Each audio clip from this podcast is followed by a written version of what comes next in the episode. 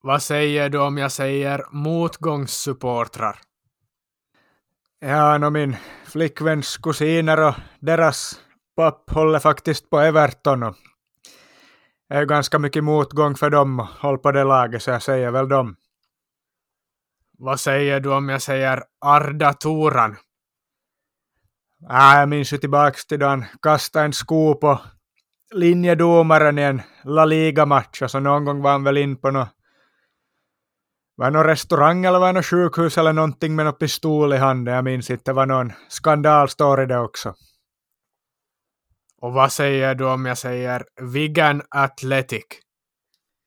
En fin klubb och så säger jag Amr Tsaki, Egyptiern.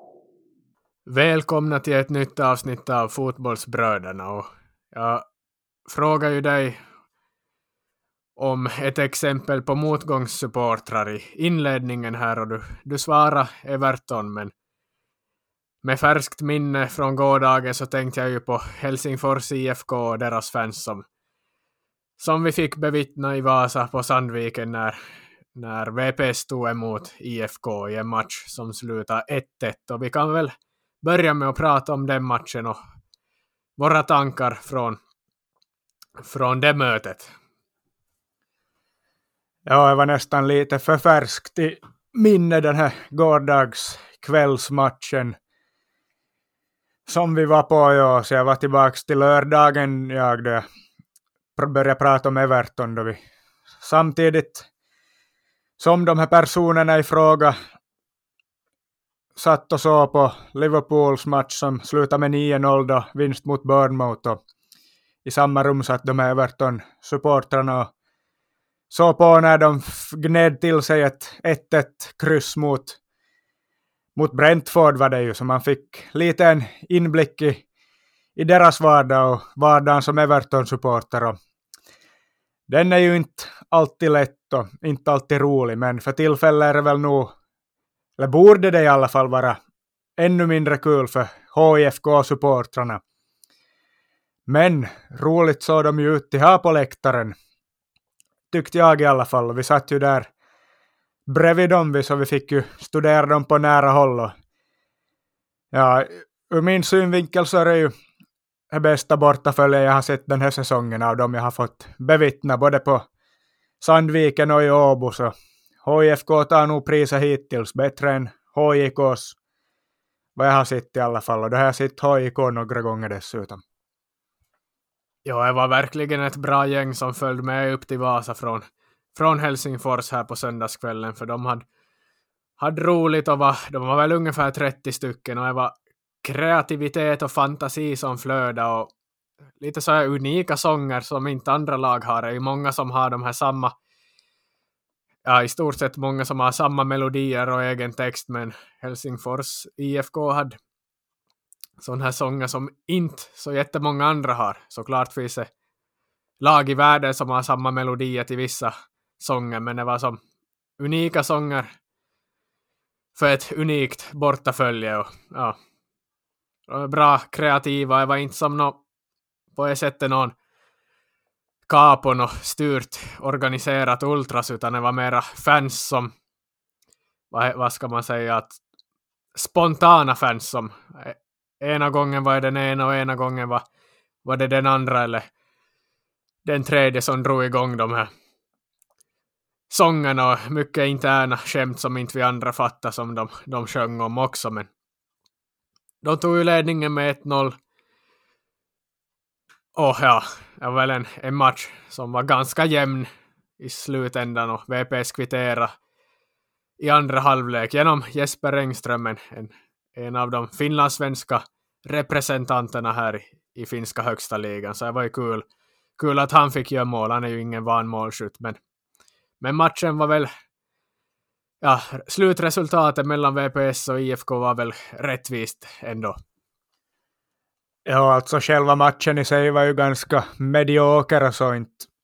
Ja, det syntes ju att det inte var två av ligans bästa lag kvalitetsmässigt som, som spelar, men båda lagen var väl lite besvikna över det här resultatet. VPS skulle ha haft läge att ta en, en sällsynt hemmaseger för den här säsongen. De har väl bara vunnit en match hemma. Och man tycker ju att HIFK skulle kunna vara ett lag man skulle lyckats kunna vända den trenden mot och vinna hemma mot, men så blev det ju inte. HIFK ledde ju ganska länge efter att ha tagit en tidig ledning, så de var ju också förstås besvikna över det här krysset. Och ja, inte vet jag, skulle de ha fått ett, en trepoängare så kanske de på något vis skulle kunna få upp någon slags tro. Men det ser ju nog så mörkt ut för dem, så så man undrar ju nog faktiskt hur, hur fansen kunde hålla upp så bra humör på läktaren som de hade, men det är väl lite som så att de försöker göra bästa av de få kvarvarande matcherna de har på Veikkausligan nu på, ja som, vad heter det, det lär ju inte vänta några no, många sådana här i framtiden åtminstone, nästa säsong och, och så vidare. Det kan nog ta ganska länge innan, innan de är tillbaks, som det nu ser ut nu just i alla fall. Men oavsett om de spelar i femte divisionen eller högsta ligan så lär de ha, ha fans på sina matcher som, som har fantasi och kreativitet. Och om vi jämför med HJKs bortastå som var på, på Sandviken här i, i, i april var det väl, då vi kollade på den matchen så, så var ju faktiskt betydligt mer alltså fantasi bland HIFK-fansen än bland HJK. För HJK, de, jag vet inte om det var just den matchen mot VPS som de de väntar varje gång på att VPS-fansen Gisars drog igång en ny sång och då drog de igång sin egen version av samma melodi bara för att jävlas med VPS-fansen. Jag vet inte om det var att de hade bestämt sig att vi ska härma alla deras sånger och dra eller samma melodi och, och dra vår egen version av samma, samma melodi, men det, var, det verkar nästan så. Jag vet inte om, om de gör det på på andra arenor också och far och försöker jävlas, men, men HIFK däremot hade, hade egna sånger och, och drog inte och kopierade rakt av, men ja. Det var i alla fall vad, vad vi upplevde läktarmässigt och där får vi ge det röda laget en eloge gentemot det blåa laget från huvudstaden. Ja, nu då HIFK åker ur Veikkausliga så jag skulle nog vilja påstå att hela veikkausliga, hela upplevelsen och allt kring serien, det blir nog nästan en 30-40 procent åtminstone sämre eller någonting sånt. Alltså eh, hela serien kommer bara, allt kommer bli ganska mycket sämre utan HIFK där för deras ultras, deras fans, deras kortsida bidrar nog med så enormt mycket till hypen och stämningen och allting kring serien. Och att, att det blir något tryck på läktarna, för det är ju så dåligt på alla andra platser så det kommer nog försva, vad heter det, försämras med, med jättemånga procent när, när HIFK åker ur. Och därför skulle det vara viktigt att få dem tillbaka i, i, i högsta serien så snabbt som möjligt. Så man får ju hoppas att, det, att de bara är ner och vänder på något vis, men det kommer ju nog ta länge. Som, som det ser ut. Men vi måste ännu prata om några individuella spelarinsatser från matchen och, och då främst Roman Eremenko som vi för någon månad sedan konstaterade att ha kommit tillbaka till finsk fotboll efter en 10-15-årig session ut i Europa och nu är han, nu fick vi se honom live och kvaliteten finns ju kvar och touchen finns kvar och spelöga har aldrig försvunnit fast han har varit avstängd för kokain och ja, doping avstängning på grund av det då och varit borta från fotbollen. Men som han spelar, han är väl 35 år, så han är ju kommit upp i ålder, men han var ju helt överlägsen och så många överstegare som han ju, ja, jag vet inte, var han uppe i 40 överstegare eller, eller räknar du? Nej, no, någonting sånt blev det. var ju, kändes som att han drog minst en överstegare eller två kroppsfinter typ varje gång han hade bollen. Och han kan ju inte haft no, många misslyckade aktioner i hela matchen. Allting han gjorde såg ju lekande lätt ut. Han lekt fotboll på plan. Det var faktiskt bland det, det värsta jag har sett i en fotbollsmatch mellan två finska lag. Det måste väl ha varit det bästa, den bästa spelaren man har, jag har själv sett i Veikkausliga, i alla fall på de senaste åren. Och det syns ju helt klart att han är för bra för den här serien. Han skulle borde spela på en så mycket högre nivå än så här ännu. Ja, nu när HIFK åker ur så lär han väl, ja man kan ju knappast tro att han fortsätter i, i laget, så han lär ju nog vara ett eftertraktat namn, men jag tror inte ens att han skulle borde behöva spela i Veikkausliga, utan han skulle kunna gå till någon, borde gå till någon serie där motståndarna och medspelarna för den delen matchar hans egen nivå mer. För man ser ju att han är fotbollsmässigt tänker han och utför på en helt annan nivå än alla andra. Det är yttersidor, här är skruvar, här är överstegsfinter, är fantastiska första beröringar och det spelöga. Och, och dessutom sprang han ju och pressade som en galning ännu i 19, 90 minuten från ena sidan av planen till den andra, så han orkar ju springa ännu. Men ja, man ser ju ibland att medspelarna i, i HIFK inte riktigt förstår hur bra han är och kan inte som läsa de här skruvade passningarna eller hans idéer, så blir det ju sämre än vad det skulle borde bli ibland, men han är helt enkelt för bra för dem där ibland, så HIFK-spelarna hänger inte med själva heller är väl nog sällan vi har sett sån kvalitetsskillnad mellan två stycken mittfältare som på, på HIFKs innermittfält igår. En Ermenko, då var på en ja, så hög nivå man bara kan vara i finsk fotboll medan lagkaptenen bredvid inte rosa marknaden direkt. Nej, no, Sakari Mattila har väl nog sett sina bästa dagar i karriären. Han, han såg nog kantig och hafsig och, och trög ut. Han gör ju förstås en, ett gediget jobb defensivt, men med bollen är det nog det är mycket som lämnas att önska där och ibland blir han ju nog helt frånsprungen och, och bortfintad också när han hamnar i något en mot en lägen eller sånt mot yngre och skickligare spelare. Men Nej, no, han är ju förstås aldrig kanske varit en, en sån spelare som sticker ut som någon spektakulär och, och sevärd spelare som Eremenko på det sättet, så där, där noterar man väl skillnaden kanske extra mycket på det sättet, men han... Ja, vi var, vi var inte imponerade av Mattilas insats igår, men vi var jätteimponerade av Eremenkos insats.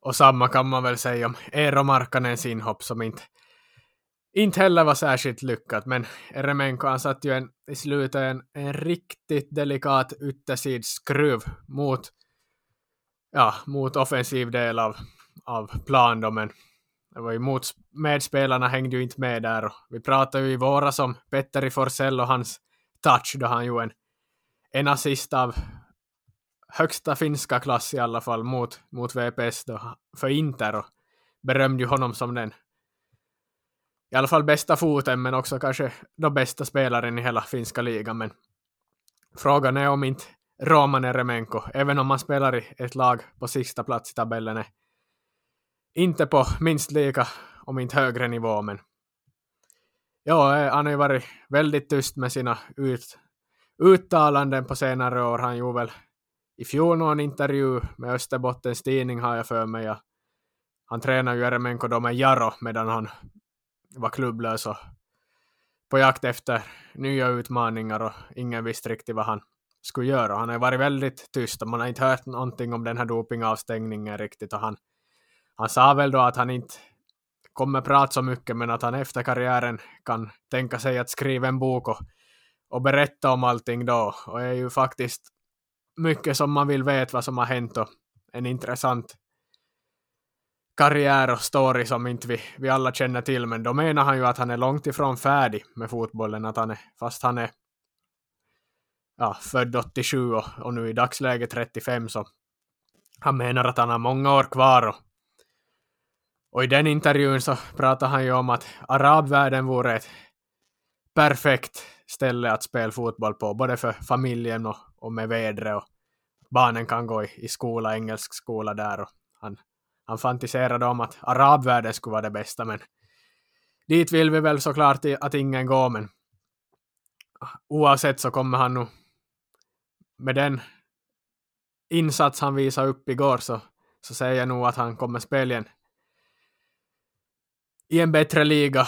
Ja, kanske om man får till arabvärlden är det ju inte kanske en bättre liga, men fetare lön i alla fall. Nej, nu inte vill man ju säga i, arabvärlden, man vill ju se han i en, liga där han får spel på en nivå som matchar hans, som jag var in på här tidigare. Och ja, så bra som han var igår så är det nästan så att man vill se han bara raka spåret in i, i landslaget tillbaks, för det, ja, visserligen är det kanske lätt att, att vara bra i ett bottenmöte i, i Veikkausliga, men man ser ju att han, skulle, han är bra i vilken match som helst om man, man besitter den där kvaliteten och touchen och spelförståelsen så är det nog inte bara mot VPS på Sandviken man kan briljera då, utan det är på betydligt högre nivå. Men det är ju det jag tycker är så mäktigt det här också att han kommer tillbaka till fotbollen efter, vad blev det, två års frånvaro, någonting sånt, eller ännu mera till och med.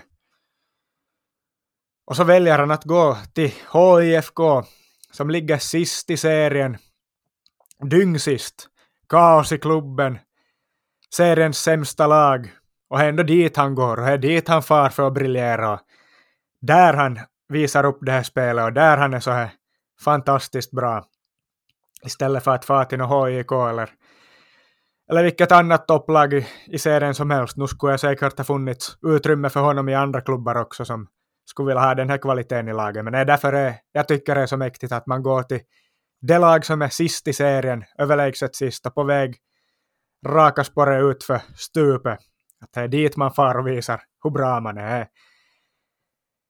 Det är ganska som coolt på något vis att man gör på det sättet. Och han borde dessutom, vet han ju om hur, hur situationen i HIFK ser ut. Han har ju den yngre Eremenko där, Sergej, som också spelade igår för övrigt och jo, är väl helt okej. Okay. Han är ju han där så han vet väl precis, eller innan han kom dit visste han väl precis hur situationen ser ut i, och har sett ut hela, hela säsongen i klubben, men att han ändå väljer att gå dit och, och visa upp det här spelet där så är, är mäktigt och häftigt och är, är coolt tycker jag.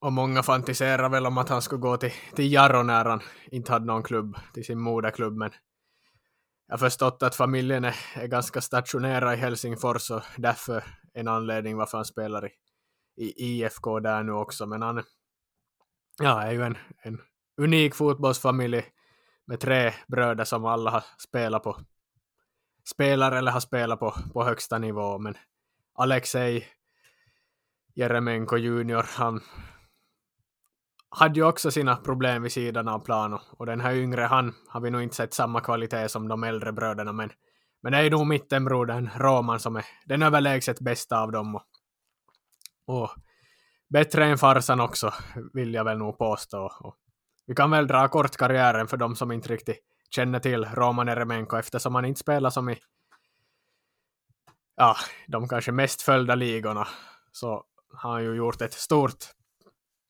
namn i, i öst. Men han fostrades ju i, ja, han, han, han spelade i, i de klubbar där, där hans pappa spelade, där han flyttade runt som, som barn då och spelade i de juniorlagen. Men det är väl i Jarro han slog igenom och sen gick han ju förvisso till Italien och Udinese som en, ja Serie A är ju en stor liga, men han, där tog han ju sig igenom A-laget och, och fick speltid och utlån till Siena, men det är ju främst sen åren i Dynamo Kiev, Rubin Kazan och Seska Moskva som han gjorde sig ett, ett internationellt namn och under de ungefär tre år på varje ställe så har han ju fått vinna både ukrainska och ryska ligan och, och kupper och spel Champions League och under några år där mellan alltså 2014, 15 16 han var ju han var sån klass och sån kvalitet som inte vi har är vana vid att se. Men då han ju är där borta i öst så är det många som inte riktigt haft koll på, på hur bra han har varit riktigt, men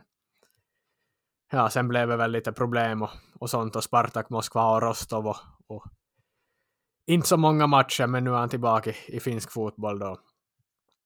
som sagt, han har mycket att berätta och, och vi vet inte allt vad som ligger bakom, bakom kulisserna, men det får vi kanske veta i framtiden. Men nu, nu var det bara kul att, att få se honom spela fotboll. Och landslaget lär väl inte vara aktuellt något mer. Han, han har väl aldrig stängt dörren, men han har väl 73 landskamper och fem mål har jag framför mig här nu, men något mer lär det kanske inte bli eftersom han nu fyller 36 nästa gång. Men, men kul att se honom och, och se en spelare av hans kvalitet briljera med. HIFK-fansen för övrigt, vi kan väl ännu nämna att de, de sjöng ju Europan, Europan hela tiden, att de skulle till, ut i Europa och vi, vi hängde ju inte riktigt med va, varför de sjöng det. Skämtade de och drev de med att de är på väg i konkurs och sjunger om att de är på väg ut i Europa, men, men då hade jag ju glömt bort att är ju Finska kuppen är ju inte färdigspelad, det är ju semifinaler här i veckan och då är ju HIFK faktiskt kvar och de spelar på hemmaplan sin semifinal mot Inter. Så de har ju faktiskt chans att gå ut i Europa till nästa år. Vinnaren av finska kuppen får ju en plats i, i Conference League och, och cupfinalen är väl sen i mitten av september. Är ju, förutom HIFK Inter också Lahti mot Kups i den andra semifinalen så de har ju faktiskt chans att gå ut i Europa även om det, det ser mörkt ut i, i hela klubben men det är ju det skulle vara en häftig, häftig resa om klubben blir tvångsnedflyttad, i alla fall nedflyttad på något sätt så att man ändå ska gå, skulle gå ut i Europa. Jag vet inte hur, om det är tillåtet att gå i konkurs och spela i Europa nästa säsong. Det låter vi vara osagt, men det skulle vara en unik story oavsett. Ja, det skulle vara helt otroligt. Ja. Så som det ser ut nu så lär ju inte HIFK bara åka ner till Ykkönen utan man kan ju tänka sig att det blir kanske som högst division 2 då som man kommer starta om i. Och, och ska man ha ett division 2-lag i Europaspel så är det klart det är sånt man drömmer om väl men mycket ska ju till för en sån sak. Men det är ju inte ens omöjligt att HIFK vinner semifinalen mot Inter, för Inter blir man ju verkligen inte klok på. De känns det som att de kan förlora vilken match som helst, eller de kan tappa ingen vilken match som helst. Och tidigare på säsongen, då de möttes i våras, så blev det väl 2-2 tror jag, så vem vet. De kan ju lyckas ta sig vidare på förlängning och straffar eller någonting sånt och, och ta sig till en final där vad som helst kan hända. Men, men ja, det skulle vara en intressant saga här med ett lag som åker ur Veikkausliga som skulle få åka ut på ett Europa-äventyr nästa år, om det ens är tillåtet. Det vet jag ju själv faktiskt inte heller något om. Ja, nej, vi ska inte gå händelserna i förväg och, och ta ut någonting sånt. Men det har ju faktiskt hänt förr att ett, ett lag som har spelat i andra ligan har spelat i Europa året efter att man åkt ut högsta ligan. Och det kanske har hänt fler gånger, men men nu kanske du fattar varför jag frågade i inledningssegmentet om vad du säger när jag säger Viggen. Ja, för Viggen var ju, och jo, precis det här för en, ja vad blir det, 10-15 år sedan, om ens kanske mindre, tio år sedan ungefär, 2013 där någon gång, vann väl Wigan FA-cupen, var mot Chelsea i finalen, eller hur var det, Arsenal, någonting sånt, jag minns faktiskt inte, eller så slog de ut någon av dem på vägen. Hur som helst vann de ju FA-cupen de men åkt samtidigt ur Premier League och så fick de väl spela Europaspel då, trots att de blev nedflyttade till Championship. Ja, det var faktiskt mot Man City i finalen som Ben Watson nickade in en hörna i, på stopptid och så att Wigan-fansen fick explodera och, och Wigan fick luft sin första titel i, i historien när man vann FA-cupen 2013 och åkte ur Premier League samma år men fick ju spela Europa League 2013-14 då, eller det var väl hösten 13 för man åkte ur en grupp bestående av Sulte Varegem, Maribor och Rubin Kazan med en viss, just det, Roman Eremenko i laget. Så Roman Eremenko återkopplar vi till igen och han spelar mot Vigan. Ett Vigan då som fick fem poäng i den här gruppen och åkte ur men ja, Roberto Martinez, Vigan Wigan-tränaren och hans gäng då spelar i Europa fast man spelar i, i Championship, den engelska andra ligan då. Och, Visst, det har hänt förr att sådana här intertoto och sånt, där har ju till exempel Kiruna från, från Sverige varit med i den, men, men det räknas ju inte riktigt för intertoto-kuppen var ju sån som, som inte var särskilt professionell om man jämför med, med riktigt Europaspel. Så det kanske har hänt någon, gång annan, någon annan gång också att något lägre lag har spelat Europaspel, men, men Vigan är i alla fall ett exempel på att det har hänt här på, på nutid.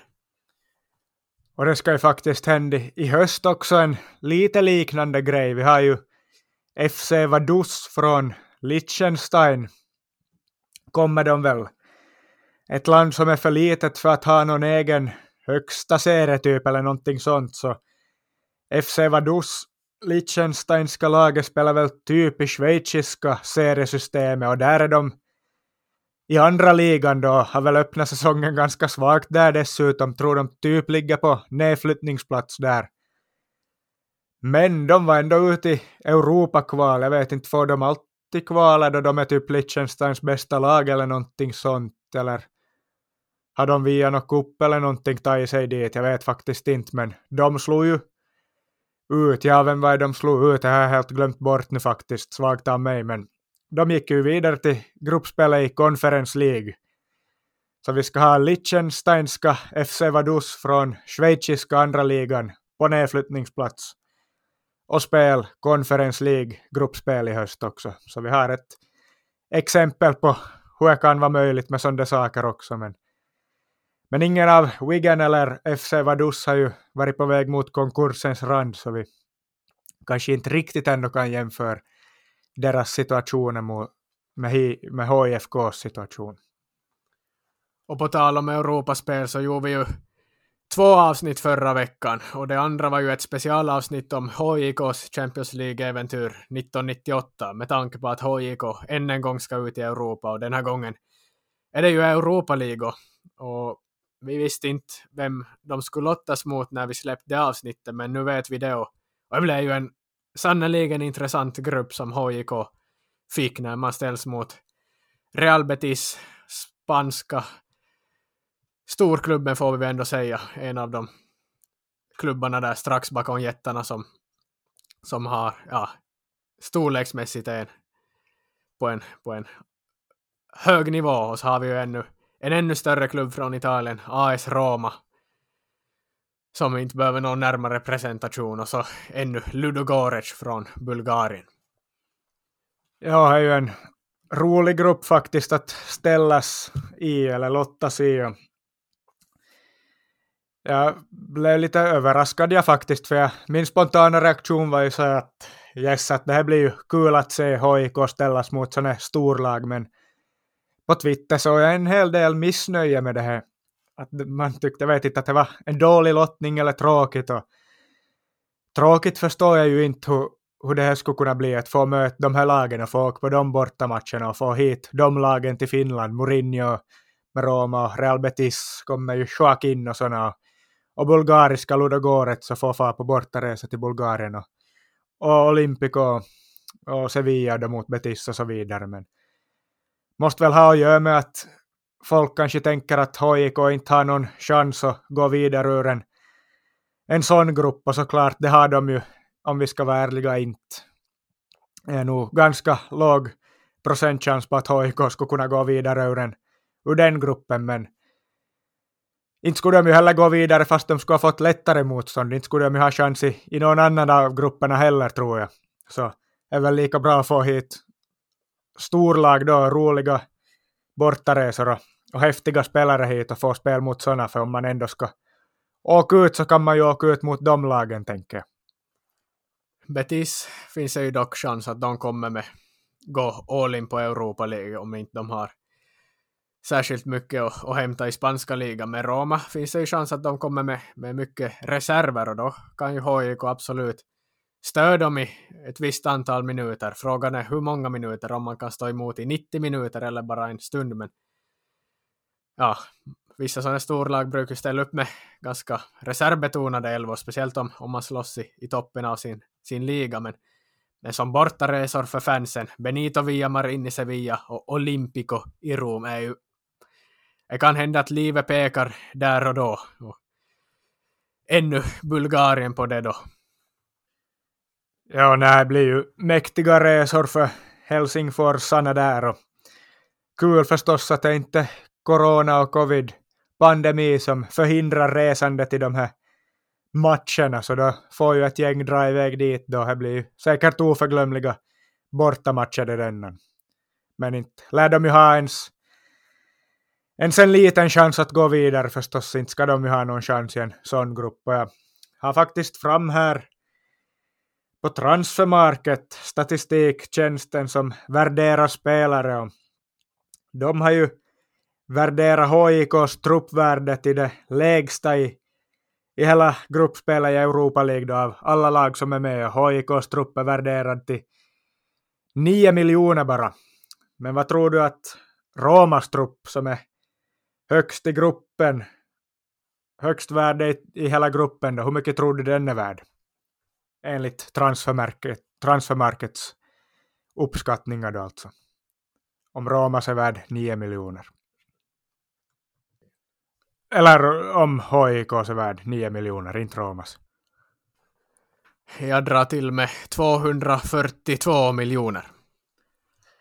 Nej, vi ska nog faktiskt plussa på rejält och hela 402 miljoner som de uppskattar Romas trupp till. Och sen har vi Ludogorets på 26 miljoner och Real Betis på 250 miljoner. Så det säger ju lite om styrkeförhållandena i, i gruppen och chanserna, men förstås det där truppvärde och spelarvärde säger ju inte allting. Gamla spelare har ju mindre värde för att de har mindre år kvar i karriären och så vidare. AIK har ju förstås ganska många gamla spelare då i form av Hetemaio, Toivio, Toivi och alla de gamla veteranerna där. Ja, transfermarket har nog inte kanske helt jättebra koll heller på hur bra spelarna i, i HIK är och hur de värderar dem sett till hur de står sig mot, mot Roma och andra världskärnor, eller lag med världskärnor. Men det säger ju ändå någonting om, om styrkeförhållandena där i, i HIKs grupp. Men på tal om Toivio och Arajuri så har jag faktiskt en liten snabb utmaning till dig här som jag skjuter in mitt i avsnittet. De är ju förstås spela tillsammans mycket och förhoppningsvis får vi se dem tillsammans i, i HIKs mittlås här i Europaspelet ännu i höst. Men de har ju spelat mycket tillsammans i landslaget och jag vill att du till en början sätter bådas landskampsfacit. Hur många matcher och hur många mål har de gjort respektive i sina landslagskarriärer? Vi drar till med 83 landskamper för Toivio och fy, fem mål. Och Arajuri säger vi. Vi säger 68 landskamper, två mål. Nej, du var lite, lite för högt upp på, på Toivi och han har 78 landskamper och tre mål, så du var ju ganska nära. Och sen Arajuri var du också lite, lite för högt på. 58 landskamper, tre mål. Men då vill jag att du sen ska gissa hur många matcher har de startat tillsammans för finska landslaget? Hur många matcher har de startat tillsammans i mittback, eller som mittbackar eller i backlinjen? Någon gång har ju någon kunnat vara kanske ytterback eller så har det spelats med tre eller fembackslinje eller så vidare. Men hur många landskamper har de startat tillsammans i sina karriärer? Eftersom de är ganska jämnåriga så har de ju kunnat spela en del med varandra. men vi hade ju Moisander där som var ganska given ett tag och ja, vi ska inte tillbaka ända till Hypias tid för då var ju de här fortfarande unga, men vi säger en 23 landskamper har de startat tillsammans. Nej, det är ju 10 för lite, det är faktiskt hela 33 landskamper som de har startat tillsammans. Så om man nu tänker att Arajuri har, vad sa vi, 58 landskamper har han gjort och 33 av dem har han spelat tillsammans med Joona Toivio då i, i backlinjen så är ju ganska häftigt egentligen. De hör ju verkligen på sitt sätt ihop och ett ikoniskt mittbackspar. Så Arajuri har alltså gjort mer än hälften av sina landskamper blir det väl, tillsammans med Joona Toivio i, i backlinjen. Det är ganska häftigt med sådana mittbackspar ändå. Ja, om vi ställer nästa Cannavaro mot dem här har de någon chans mot Toivi och Arajuri så här historiskt sett kvalitetsmässigt? Ja, no, de kanske i alla fall inte har gjort lika många landskamper tillsammans eller ja, vem vet, det är ju hög konkurrens där och nästa var ju skadad mycket och Cannavaro kanske var skadad han också emellanåt, så inte är det sagt att de har gjort 33 landskamper tillsammans i backlinjen, men förstås går det väl inte att argumentera om att kvaliteten skulle vara jämnbördig ändå, så långt ska vi väl inte behöva gå. Jepp, nej, men vi kan väl vi kan väl gå ut i och kolla hur det har gått lite i, ut i världen för finska spelare. Och den här veckan, det här avsnittet har vi väl egentligen mest fastnat för en, en match och en, ett stort resultat. Och då ska vi till, till skotska ligan och Dundee United som har åkt på däng 9-0 mot Celtic och för finsk del var ju en, en mörk historia.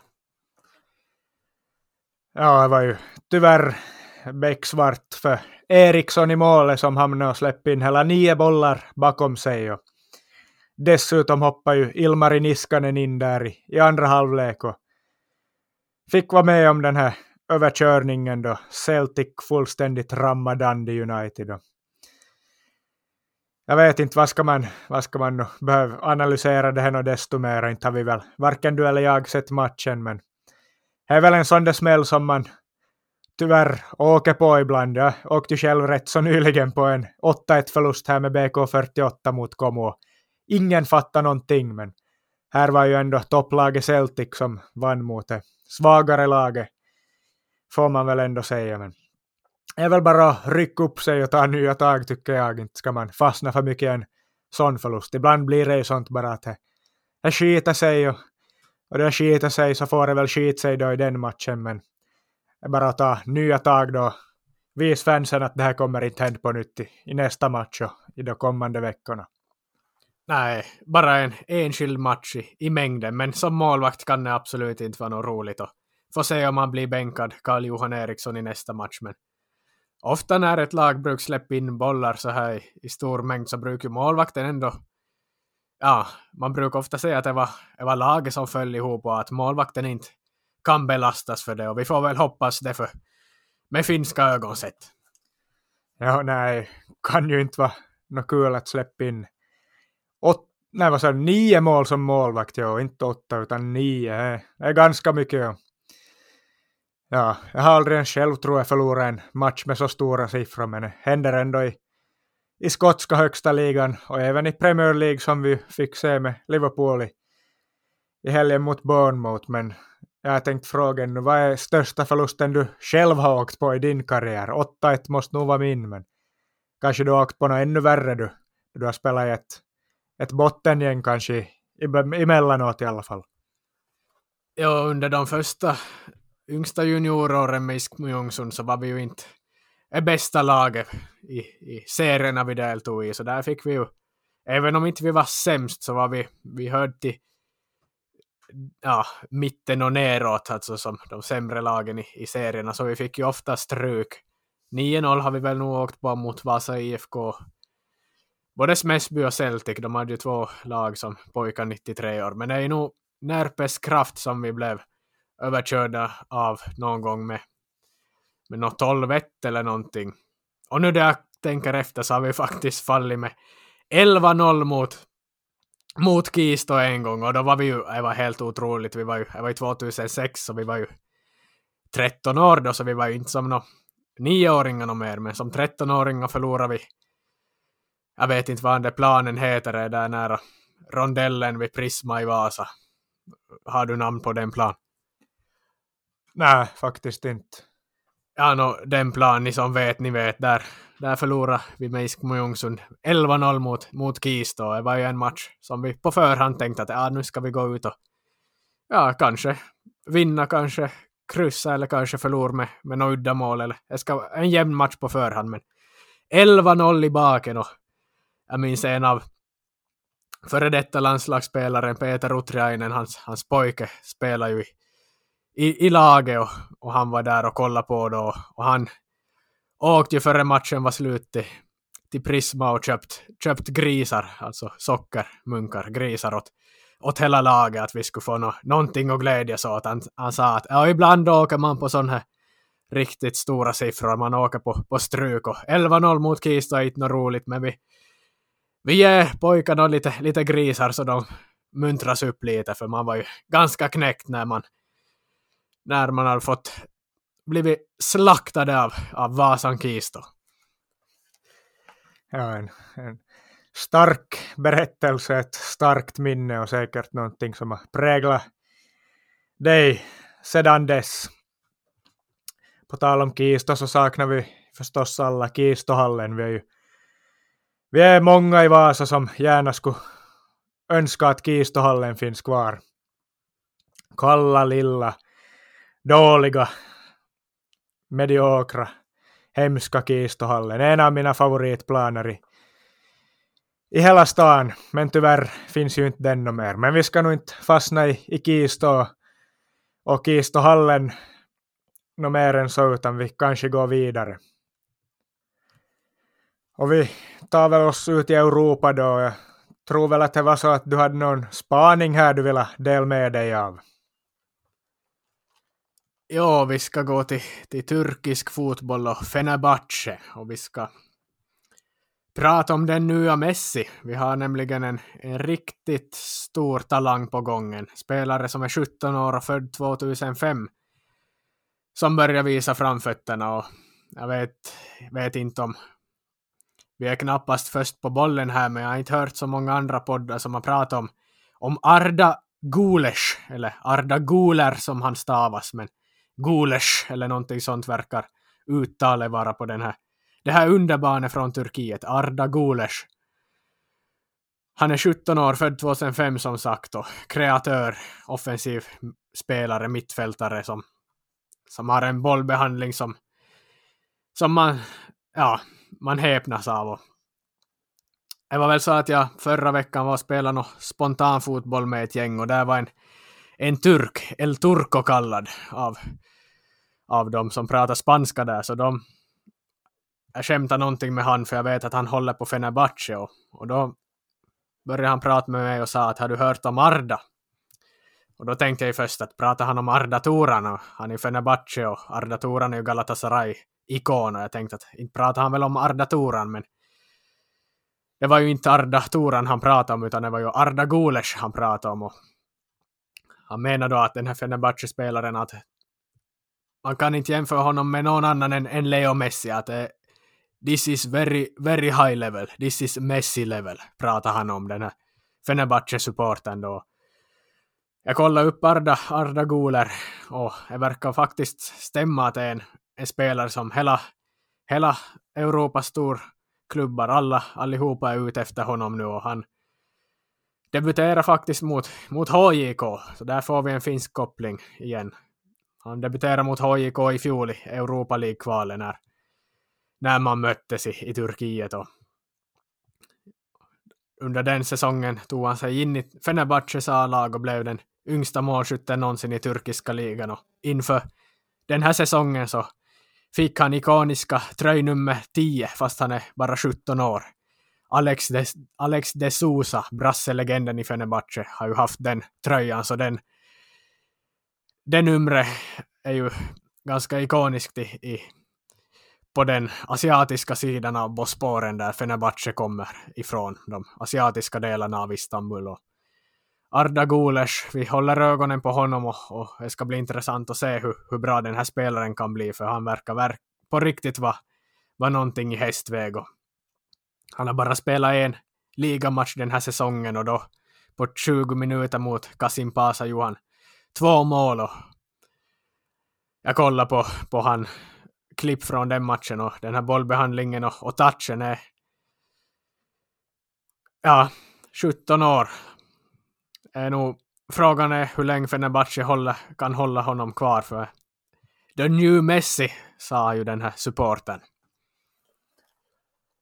Jag har faktiskt hört om honom tidigare. Det var någon som har pratat om honom och någonstans har man i något sammanhang hört om honom. Och, eller väl ska vara så att redan nu så är alla Europas och världens storklubbar ute efter honom. Ja. På tal om namnet då, så ja, vi drog ju i inledningssegmentet Ardatoran. Eftersom det är samma förnamn som den här supertalangen Arda Gules. Men jag måste ju fråga den här turken som jag pratade med också hur statusen med Ardatoran och varför det gick så, så snett för honom. Och, ja, även om han var Fenerbahce-supporter, den här El Turco, så, så har han ju koll på turkisk fotboll överlag. Och Arda Turan och Galatasaray-tiden och han var ju bra Arda Turan i Atletico Madrid och, Barca, i alla fall första säsongen i, i Barca, eller första två säsongerna innan det började gå ut för sen. Hundra landskamper och en ikon i Turkiet och en, en riktigt bra spelare, men precis som du var inne på så så gick det ju ut för sen, han är ju bara 87 född, så han är bara 35 år, men senaste 4-5 åren har han ju varit i konflikter och kaos med jämna mellanrum, även om han i fjol spelade för Galatasaray efter att kanske ha fått, fått ordning på någonting i alla fall. Men som du sa så har han kommit in till ett, ett sjukhus med ett, ett skjutvapen och han har väl avfyrat och skjutvapen, pistol på någon nattklubb och han har knäckt näsbenet av någon popstjärna i Turkiet och slutat i landslaget för att han har attackerat en journalist. Så, så han verkar ju faktiskt ha har problem på riktigt och, och då passar jag ju på att fråga den här turken då om, eller ja, att få hoppas att inte Arda Gules blir, blir lika dan som Arda Turan i huvudet, att hoppas han har det mentala i skick och så. Frågar jag ju då också va, varför he, jag har gått som jag har gått för Arda Turan och då, då sa den här supporten att he, he think he is mafia. He think he is, is very big. He think he is mafia. Så, så då vet ni varför jag gått, gått som jag har gått i, i Arda Torans liv och karriär. För han tror att han är, han är maffian helt enkelt. Ja, kanske Arda Turando går mot en avslutad fotbollskarriär och en karriär inom det på, inom maffiaspåret då efter, efter att han lägger av. Vem vet, vi ska hoppas att den yngre Arda inte, inte går i hans fotspår då kanske. Som du säger, men jag vågar nog inte riktigt få upp hoppet för den yngre Arda jag ännu, för man har ju blivit besviken av turkiska stortalanger förr. Man har ju Emre Mor färskt i minne som skulle bli hur bra som helst och pratades upp. Och och så vidare. Han gick till Dortmund och han misslyckades och han gick till Celta Vigo och han misslyckades och hamnade väl typ i Danmark. Och, och misslyckades väl kanske där också, jag vet inte riktigt var han är nu men han pratades upp jättemycket och man vet ju att turkiska fansen de kan vara intensiva både på läktaren och, och när de pratar om sina lag i medier, i sociala medier och, och annars också så det kan byggas upp en, en stor hype kring turkiska Wonderkids. Men vi får hoppas att den här Arda är, är på riktigt då. En, en blivande stjärna. Ja, men innan du avskriver Emre Mor så har ju faktiskt den här min turkiska källa, om vi får kalla honom för det, han, han pratar om Emre Mor också, för han är tillbaks i Fenerbahce han nu, så han, han är tillbaka i, i hemlandet, så han är, hans karriär är inte död menar i alla fall han, men men ja, som du sa, nya Messi, det vet man inte det är många som börjar få den stämpeln på sig. Förr var ju alltid att det hette den nya Maradona, men nu börjar man tala om vem som är den nya Messi. Ja, men vi, vi håller ögonen öppna för den här supertalangen och ser om, om det blir något av honom och var han landar. Men, men ja, nu i veckan har vi också ett speciellt datum i fotbollsvärlden. Deadline Day som är en torsdag i år. Det brukar väl ofta vara måndag eller måndag, tisdag. Början av veckan har jag för mig, men den här veckan är det 1 september, torsdag, som transferfönstret stänger. Jag tror det är att hela Europa har, storligorna har samma i år, att, att England inte har något tidigare. Och det är flera spelare som är klubblösa ännu. Cavani ska väl in i Valencia och flera andra stora profiler som, som saknar klubb också. Så Belotti blev ju dock klar för Roma som vi var inne på här för något avsnitt sen. Och, så den affären är ju klar, men det är ju alltid en, en dag som man ja, både ser fram emot och också fasa för i, i, i vissa håll. Ja, jag tycker själv att det ska bli mest skönt bara att slippa all den här transfercirkusen för man har ju haft den nu snurrandes här i, i alla medier nu i så många veckor och månader så det ska väl bli skönt med ett litet avbrott från den här nu innan det börjar ryktas om januari-transfers och bla bla bla här nu så småningom. Det finns ju de som påstår att det alltid är transferfönster öppet tider och att det alltid är Mercato men jag, jag ska nog själv i alla fall njuta medan det tar slut här men ja, vad har vi? Har vi något annat som är ryktas om? Liverpool ska vara på väg eller på jakt efter en ny mittfältare nu igen, åtminstone om man ska tro Jürgen Klopps egna ord. Då. Jag tror ju på allting Jürgen Klopp säger och allting han gör, så man får väl se fram emot att det kanske värvas in en ny mittfältare då till, till Liverpool, även om jag själv är lite skeptisk och inte vet vem det skulle vara, för inte vill jag betala några 100 miljoner för någon Jude Bellingham jag i alla fall. Äh, men eh, tjänar väl inte något till att vi spekulerar i, i vem som kan byta klubb här dagarna innan, utan vi, om det är någonting vi bör, bör ta upp så tar vi upp i, i framtiden då vi vet var spelare har, har landat eller stannat kvar. Men vi kan väl, det vi i alla fall vet är att Champions League-grupperna har lottat, så om vi kort bara ta, drar vårt, våra motståndare ur en Liverpool-synvinkel så blev vi ju Ajax och, och Napoli och Rangers. Så det är ju en grupp som man ah, varken lätt eller svår är väl en lite Det är En, en grupp som vi absolut ska ta oss vidare ifrån. Men ah, i fjol spelade ju Liverpool i, i dödens grupp så att säga och, och tog 18 av 18 möjliga poäng. Så det var ju en, en suverän prestation då. Men så svår är väl inte den här gruppen, även om det absolut inte är någon lätt grupp. Nej, långt ifrån någon lätt grupp, men en, en pigg grupp. Men inte tror jag att vi tar 18 av 18 poäng i år. Inte, vi är inte lika bra som i fjol. Så det blir ju att sikta på att göra ja, det som krävs och ta sig vidare, helst som gruppetta då, sen förhoppningsvis vara klara ganska tidigt, redan efter en fyra, fem matcher så att man kan rotera där då i de sista två matcherna kanske.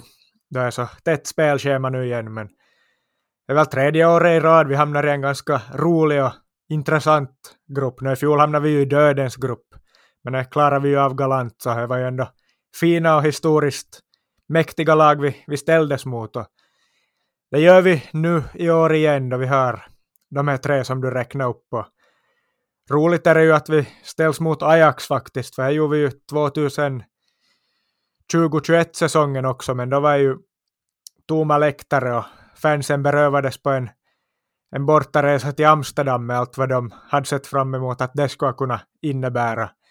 Så nu får de ju chansen då till att ta en bortaresa i Amsterdam och, och dessutom då Neapel och, och Glasgow då ännu till därpå. Så. Ja, jag, ser, jag ser fram emot den gruppen åtminstone och Liverpools Champions League-äventyr i år igen. Och jag tyckte det var riktigt bra att det blev Glasgow på bortamatch, alltså Rangers, för då betyder det att det är kort resa och i dagens fotboll så vet vi ju hur viktig återhämtningen är och på detaljnivå så sparar vi in jättemånga timmar på en sån resa istället för att åka till, till Sydeuropa eller Östeuropa på, på en sån bortamatch. Och annars är det väl ingenting speciellt kanske att säga om grupperna. Här nu i, i många grupper är det ju en eller två tydliga favoritlag som kommer gå vidare som i vanlig ordning, men så har vi förstås en dödens grupp då. är ju Bayern München, är Barcelona, är Inter och är Victoria Pilsen i, i den gruppen. Och jag ser ju som så att Inter kommer inte gå vidare. Bayern och Barca är för starka. Man har sett det för Inter klarar inte av sådana grupper. De klarar inte av Europaspel. Italienska lag klarar aldrig av Europaspel. De är för dåliga på, på just den saken och klarar inte av att spela mot andra än italienska lag. Och det ser jag ju som en fördel för dem sen i Scudetto-racet. Ja, i och för sig kanske de åker ner som tredje då i gruppen till, till Europa League, men det skiter de väl kanske nog i. Och så får de satsa fullt ut på Scudetto-racet då. Och ja, skiter i Europaspelet så behöver de inte slösa trankar och kraft något jättemycket på det. Ja, jag ser det som att Inter blev ännu större favoriter i, i kampen om Serie A-titeln här efter gruppspelslottningen i Champions League. Och innan du får italienska lagsupportrar på dig så ska vi väl säga att du syftar på ital italienska lag här på 10-talet och framåt som har varit svaga i, i Europaspelet. Men jag ser nog som Inter som de har nog chans här för Barca de åkte ur gruppspelet första gången på 15 år i fjol och de är nog fortfarande i ett sånt tillstånd att man inte riktigt vet vad man får. Och tyckte jag var lite roligt då kameran zoomade in på Oliver Kahn som var och representerade Bayern München i den här lottningen när han fick reda på att Barca skulle ställas mot dem. I spansk media har de ju kritiserat Kahn för att han flinade och brist på respekt, men han, han flinar ju åt att Lewandowski ska återvända till, till München med, med ett nytt lag. Ja, nej, såklart menar jag ju de senaste tio åren italienska lagen, då med undantag av Juventus då som har varit i någon final där, men ja, det blir ju ett delikat möte det där mellan Barca och Bayern München är väl kanske gruppspelets höjdare, om man ser det nu så här på förhand i alla fall. Men det finns ju en del intressant historik där under de senaste åren mellan de klubbarna. 2-8 i Champions League var väl var semifinal eller kvartsfinal 2020 där då det spelades i på sommaren, slutspelet av Champions League där, coronasommaren. Men ja, det är väl det vi har av Champions League-gruppspelet. Man behöver ju inte kanske diskutera det så mycket på förhand, för det känns ändå ganska givet. Oftast vem som kommer gå vidare och det är nog först när slutspelet drar igång som det börjar hetta till på riktigt. Jepp, men då får vi väl ta och avsluta för idag. Vi har väl inte något mer, utan vi får återkomma med nya avsnitt framöver. Ja, nej, varken skett några större skrällar i, i ligaspelet ute i Europa eller i Veikkausliga som så som vi nu kanske behöver stanna vid här i avsnitten och mer så vi tar väl och avslutar här då. Kan väl påminna er om det här HIK specialavsnittet då de var ute i Europa i Champions League för uppemot en 25 år sedan nästan redan 98, 97, 98, 98, 99 säsongen där. Ni får gärna lyssna på det specialavsnittet nu då ni för att tagga igång inför Europaspelet som väntar nu för HJK här i höst så kanske ni blir taggade på det. Så får ni förstås höra på våra andra specialavsnitt också som finns i, i listan eller katalogen på våra avsnitt. De är ju tidslösa och går att lyssna på när som helst. Så ja, vi, vi tackar väl för oss här då för dagens avsnitt. Yes, på återhörande.